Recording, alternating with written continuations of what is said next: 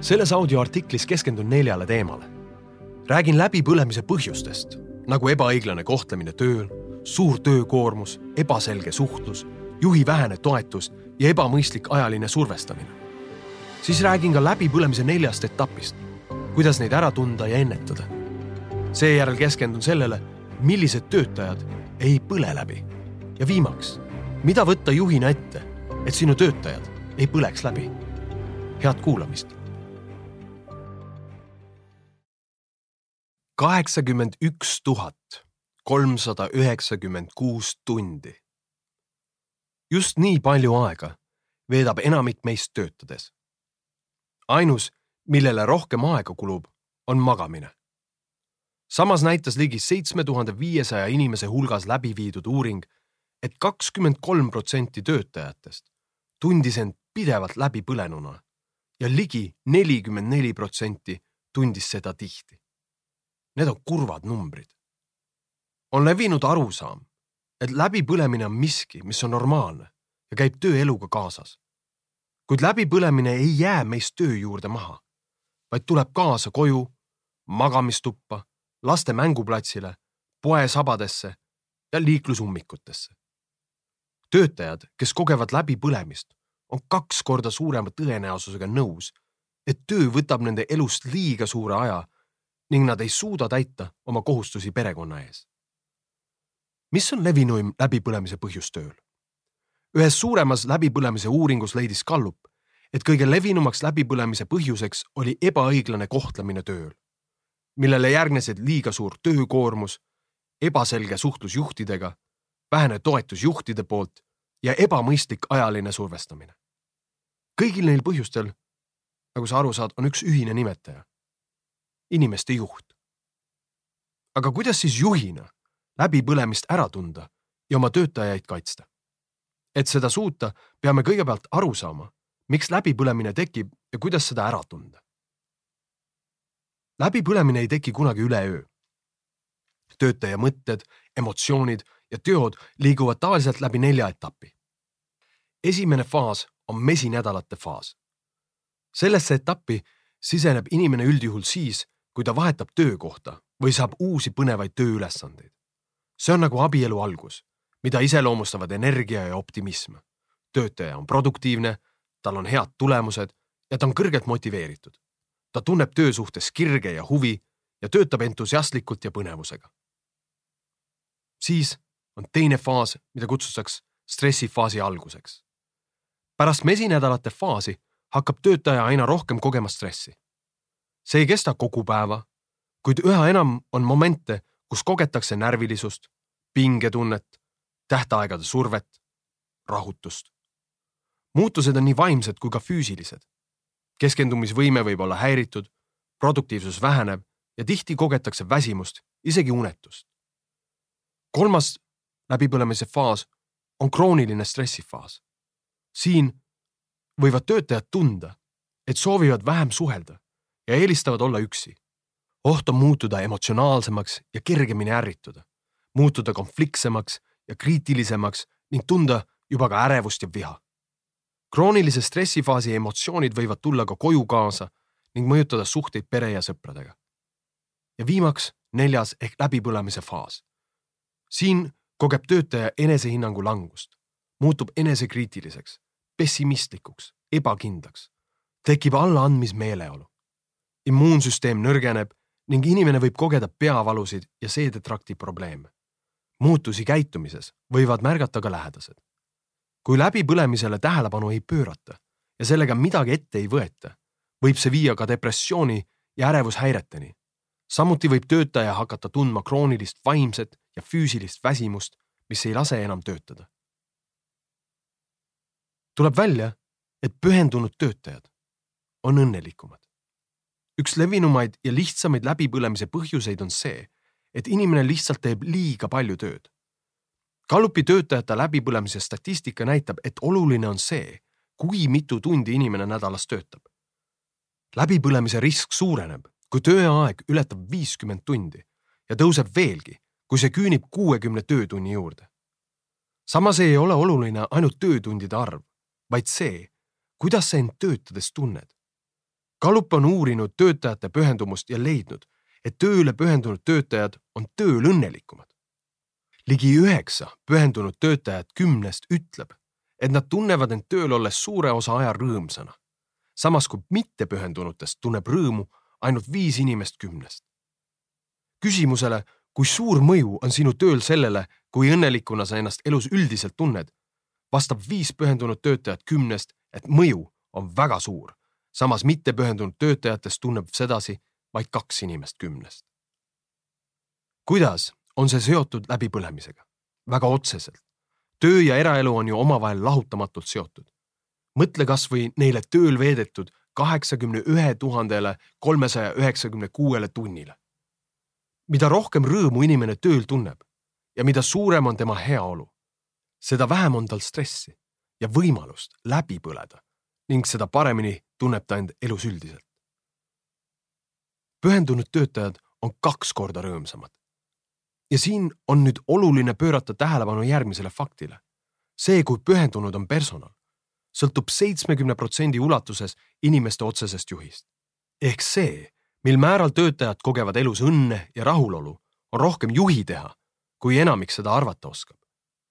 peamistel läbipõlemise põhjustel on vähem tegemist raske tööga, vaid rohkem sellega, kuidas on inimesed juhitud. Eestis on kahe tuhande kahekümne teise aasta andmetel oma töösse pühendunud vaid kakskümmend viis protsenti täiskohaga personalist ning pühendununa tunneb end ainult üks inimene kümnest. kui pühendumisest sõltub töötaja tõenäosus kogeda end kas hästi või läbipõlenuna, mis omakorda sõltub seitsmekümne protsendi ulatuses selle inimese juhist, siis meil Eestis ei ole mitte läbipõlemise ohtu, vaid oht on olla halvasti juhitud. Kahe tuhande kahekümne esimese aasta juunis ütles seitsekümmend neli protsenti töötajatest, et nad kogevad vähemalt mõnikord tööl läbipõlemist läbipõlemine on meie töökultuurides nii levinud, et tundub lausa vältimatu. mõni võib tööl läbipõlemist isegi aumärgiks pidada. ometi on Gallup avastanud, et on ka inimesi, kelle tõenäosus läbi põleda on sisuliselt null. selliseid inimesi ühendab kolm ühist joont. esiteks, nagu juba ütlesin, nad on oma töösse pühendunud. pühendunud töötajad tegutsevad eesmärgiga saavutada edu. Nad teavad, mida neilt oodatakse ja neil on olemas kõik mida nad oma töö tegemiseks vajavad. Nende juht aitab neil töökoormust hallata, teha tõhusat koostööd ja näha selgelt seda, kuhu üheskoos liigutakse. teiseks, neil on heaolutunne. töö ja eraelu tasakaalu otsimise ajad on möödas. Uus reaalsus nõuab seda, et suudame töö ja eraelu koos toimima panna.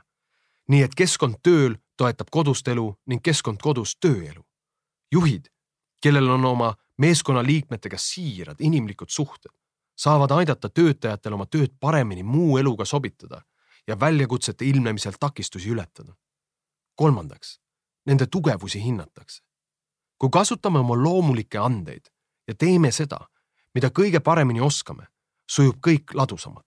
aeg lendab, väljakutsed pakuvad põnevust ja saavutatakse erakordseid tulemusi. üks inimene toimib paremini suheldes ja koos meeskonnaga probleeme lahendades teine aga arvutustabeleid vaadates. parimad juhid positsioneerivad iga meeskonnaliikme just nii, et nad saaksid veeta suurema osa oma ajast, rakendades oma loomuomaseid tugevusi. seega, mida sa saad omalt poolt juhina ära teha? esiteks, keskendu oma inimestele, õpi neid tundma ning pange koos paika vastastikused ootused ja prioriteedid, et kõik teaksid, mida ja miks nad teevad. teiseks, vabasta töötajad tarbetust stressist. jälgi, et töötingimused soodustaksid töö tegemist ning töö ja eraelu koos toimimist ning kõrvalda takistused. ja kolmandaks, aita inimestel tunda end väärtustatuna. võimalda neil kasutada enda tugevaid külgi, küsi nende käest arvamust, tunnusta nende panust. kui soovid vähendada läbipõlemist, tuleb teadlikult keskenduda teguritele, mis seda põhjustavad. uurimuste kohaselt mõjutavad just need viis tegurit läbipõlemist kõige rohkem. esiteks, ebaõiglane kohtlemine tööl. kui töötajad tunnevad, et neid koheldakse tööl ebaõiglaselt, kogevad nad kaks koma kolm korda tõenäolisemat rasket läbipõlemist. ebaõiglane kohtlemine võib tähendada kõike alates erapoolikust suhtumisest, mittesoosimisest ja kolleegide väärkohtlemisest kuni ebaõiglase tasu ja organisatsiooni poliitikateni välja. kui töötaja ei usalda oma juhti, kaastöötajaid või tippjuhtkonda, kaotab ta võime tööd südamega teha. ja tööl pole tema jaoks enam sügavamat tähendust. teiseks, töömaht on liiga suur. spordipsühholoogias kasutatakse sellist väljendit nagu mentaalne vesiliiv, millega tähistatakse olukorda, kus halvad tulemused teevad sportlase mentaalselt jõuetuks. nii et tal on tunne, et tal ei käi jõud enam millestki üle. selline olukord viib veelgi halvemate tulemusteni ja langenud enesekindlus kisub neid veelgi alla. sama on ka tööpsühholoogias. heade tulemustega töötaja võib väga kiiresti muutuda pessimistlikuks ja lootusetuks, kui tema ees seisab tööhulk, millest ta selgelt oma jõuga üle ei käi. sellisel juhul töötaja ootab, et juht seisaks tema eest ning mõistaks, mida ta suudab ja mida ei suuda ära teha kolmandaks, rollid ei ole selged. ainult kuuskümmend protsenti töötajatest ütleb, et nende tööülesanded on selged ja arusaadavad. ülejäänud väidavad, et nad ei tea täpselt, mida neilt töö juures oodatakse. juhi roll on jõuda personaliga kokkuleppele ootustes ja selles, mille eest keegi täpselt vastutab. segane tööjaotus soodustab läbipõlemist. Neljandaks, puudub juhi toetus töötaja jaoks on ülitähtis tunda juhi toetust. töötaja peab turvatunde kogemiseks teadma, et juht kuulab ja toetab, kui olukord on keeruline.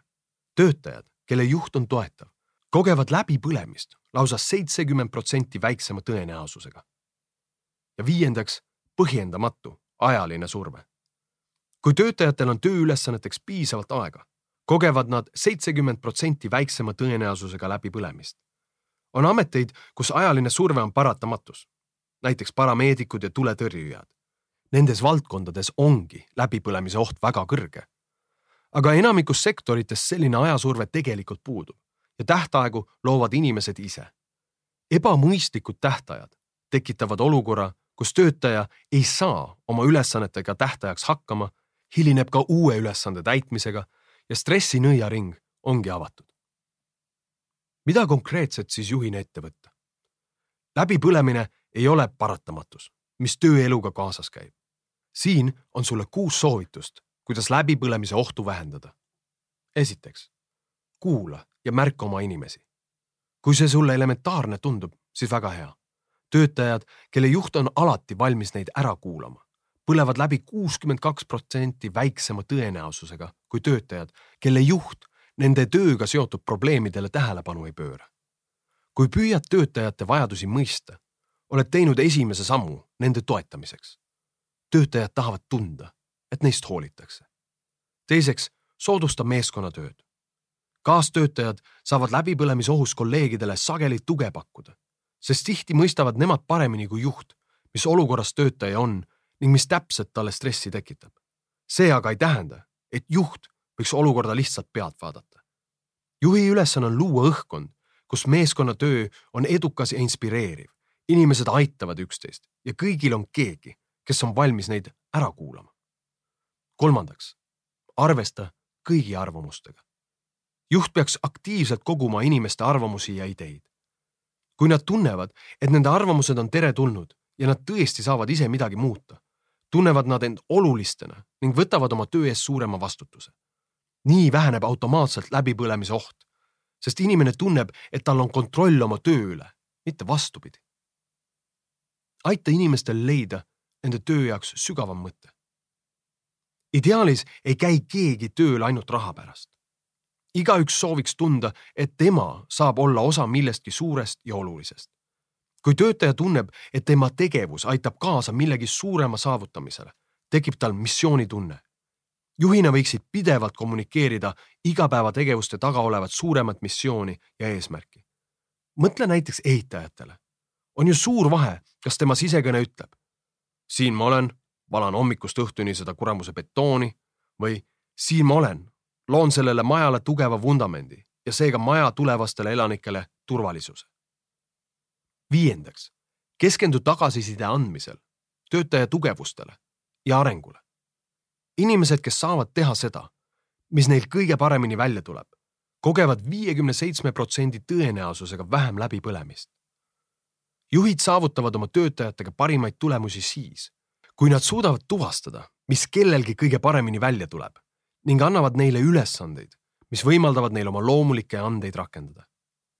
Kui neid andeid omakorda edasi arendada, aitab see töötajal edule keskenduda, veelgi paremaid tulemusi saavutada ning läbipõlemise riski vähendada.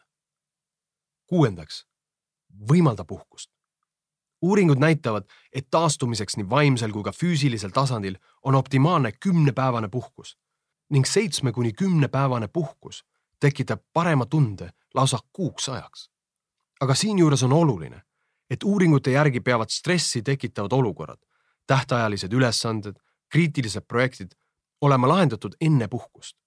vastasel juhul tuleb alateadlik stress puhkusele kaasa ning läbipõlemise oht naaseb pärast puhkust kiiresti. juht, kaitse töötajat läbipõlemise eest, aga ära unusta ka iseennast. juhid, kes mõistavad läbipõlemise, tervise ja heaolu vahelisi seoseid, saavad töötajatele aidata targemini oma elu parantamatu stressiga tegeleda ning nende töö ja eraelu vahele tasakaalu luua. kui nad seda suudavad, paranevad automaatselt ka inimeste produktiivsus ja tööle pühendumine. ent töötajat kaitstes ei tohi unustada sa iseennast. Gallup leiab, et juhtide seas on läbipõlemine veel suurem. juhid kogevad rohkem stressi ja läbipõlemist, halvemat töö ja eraelu tasakaalu ning halvemat füüsilist heaolu kui teised nende meeskonda kuuluvad inimesed. heidame pilgu organisatsiooni juhi töökirjeldusele. Neil lasub kogu vastutus meeskonna juhtimise ja arendamise eest ning lisaks on neil väga palju ülesandeid, mida nad ei saa delegeerida. Nad on tavaliselt tohutult ülekoormatud. kui juhid käivad minu koolitustel, saan neilt tihti tagasisideks. kust küll võtta see aeg, et seda kõike rakendada? räägin sellest, kuidas organisatsioonid saaksid toetada oma keskastme juhte läbi põlemast oma artiklis pealkirjaga Miks keskastme juht vajab tippjuhtide tuge samanimeline audioartikkel on samuti mu podcast'ide nimekirjas. kui aga soovid läbipõlemise ning selle vältimise võimaluste kohta rohkem teada saada, soovitan sulle ka oma koolitust positiivsuse dividendid. olen sellesse koondanud väga põhjaliku materjali, mida igaüks saab rakendada ja mille rakendamine ei maksa mitte midagi, aga mille mittekasutamine võib ajas minna väga kalliks maksma ma loodan siiralt, et selle audioartikli kuulamine oli sinu jaoks väärtuslik aeg.